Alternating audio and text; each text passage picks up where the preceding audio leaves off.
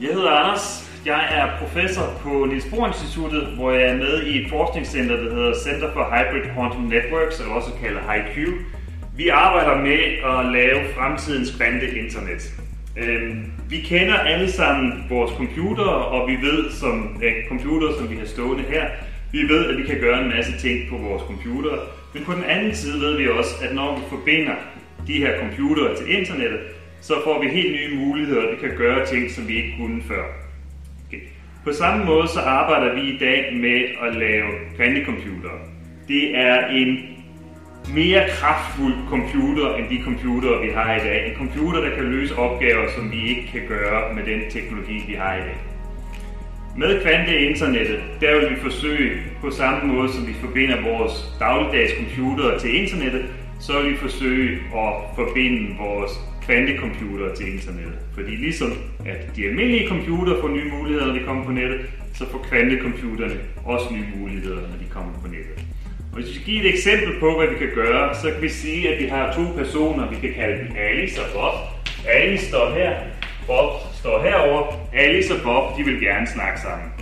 Så hvad kan de gøre? Jo, de tager deres telefon, og så ringer de til hinanden, og så snakker de sammen. Det går alle sammen vældig godt, men nu kan vi indføre en eller anden, vi plejer at kalde en Eva, som står imellem dem, som gerne vil aflytte, hvad det er, de siger. Og hvis de bare sender signalerne frem og tilbage, så passerer de Eva, og Eva kan opfange. Uh, I dag, når man kommunikerer for eksempel over nettet med sin netbank eller andre steder, så bruger vi i dag kryptering, så Alice og Bob kan snakke sammen, uden at Eva kan høre, hvad de snakker om. Og det virker vældig godt, at vi stoler på, at ja, vi kan sende information frem og tilbage over nettet. Der var et problem, at når, eller hvis vi får lavet en kvantecomputer, så ved vi, at den kryptering, vi bruger i dag, den vil blive brudt. Vi kan simpelthen gå ind og aflæse, hvad er det for en information, som Alice og Bob de sender til hinanden. Derfor så arbejder vi også på, hvordan Alice og Bob i stedet for kan bruge kvantemekanikken og kvanteinternettet til at kommunikere frem og tilbage på en sådan måde, at Eva ikke kan aflytte det.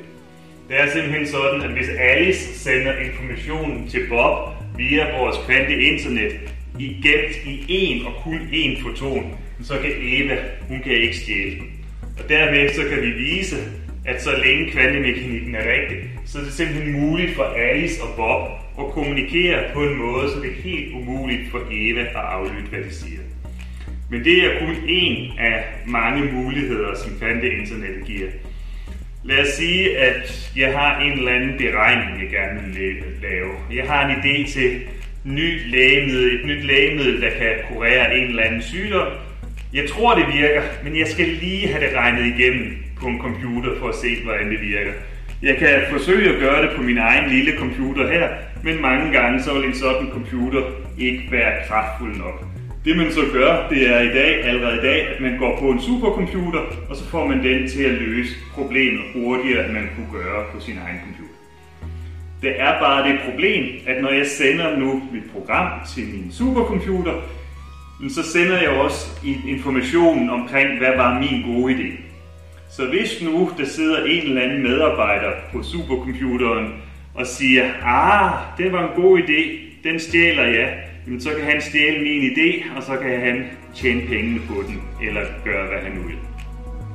Hvis vi får lavet et kvanteinternet, hvor jeg i stedet for har en kvantecomputer stående et sted, så vil jeg nu gerne lave min beregning for, om de her ting de virker. Det vil jeg gerne lave på den kvantecomputer, der står et andet sted.